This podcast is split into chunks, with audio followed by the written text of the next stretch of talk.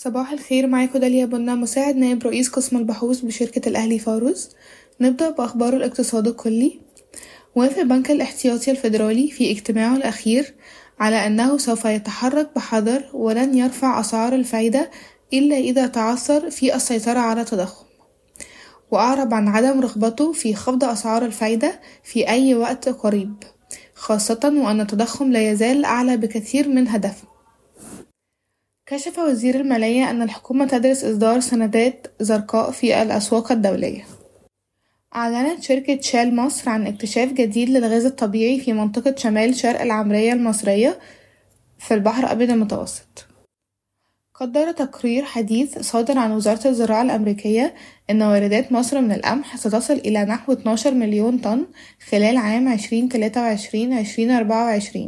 بزيادة 6.9% على أساس سنوي بسبب انخفاض المساحة المزروعة بالمحصول.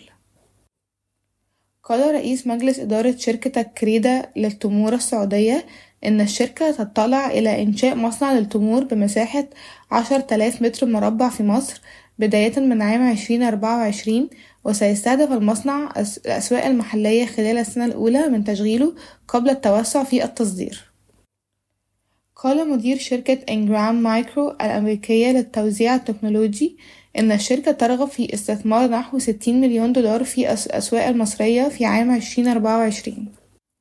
أما بالنسبة لأخبار الشركات والقطاعات أعلنت شركة جنوب الوادي للأسمنت عن نتائجها المالية للربع الثالث من عام عشرين تلاتة وعشرين حيث سجلت صافي ربح قدره تلتاشر مليون جنيه مصري بانخفاض ستين في المية عن أرباح الربع الثالث من عام عشرين اتنين وعشرين وعكست خسائر الربع السابق البالغة تسعة وتلاتين مليون جنيه مصري ويؤدي ذلك إلى تقليل خسائر الأشهر التسعة الأولى من العام إلى تلاتة وستين مليون جنيه مصري من خسارة قدرها 83.8 مليون جنيه مصري في الأشهر التسعة الأولى من عام 2022 أعلنت شركة الكابلات الكهربائية المصرية عن أرباح مجمعة خلال الأشهر التسعة الأولى من عام 2023 بقيمة 955 مليون جنيه مصري ارتفاعا من 263 مليون جنيه مصري في الأشهر التسعة الأولى من عام 2022 بزيادة قدرها 263%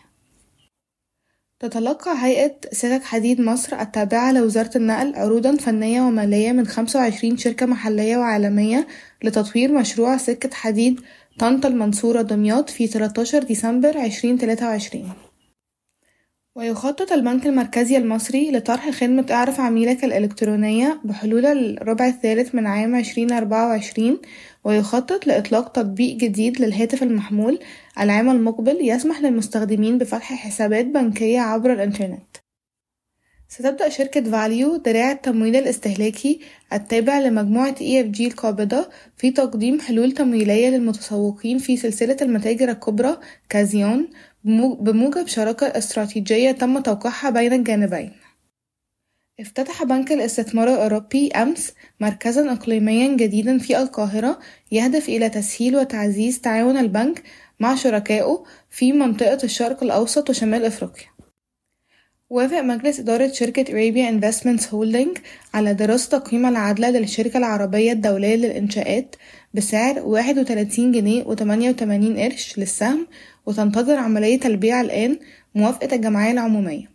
وتهدف إلى إسقاط كافة الديون المتعلقة بالاستثمار التي تصل إلى خمسة وسبعين مليون جنيه. كما وافقت الشركة على دراسة القيمة العادلة لشركتي رواج للتمويل الاستهلاكي و UE Finance بسعر جنيه وسبع قروش للسهم وتلتمية وأربعة جنيه مصري للسهم على التوالي. شكرا ويومكم سعيد.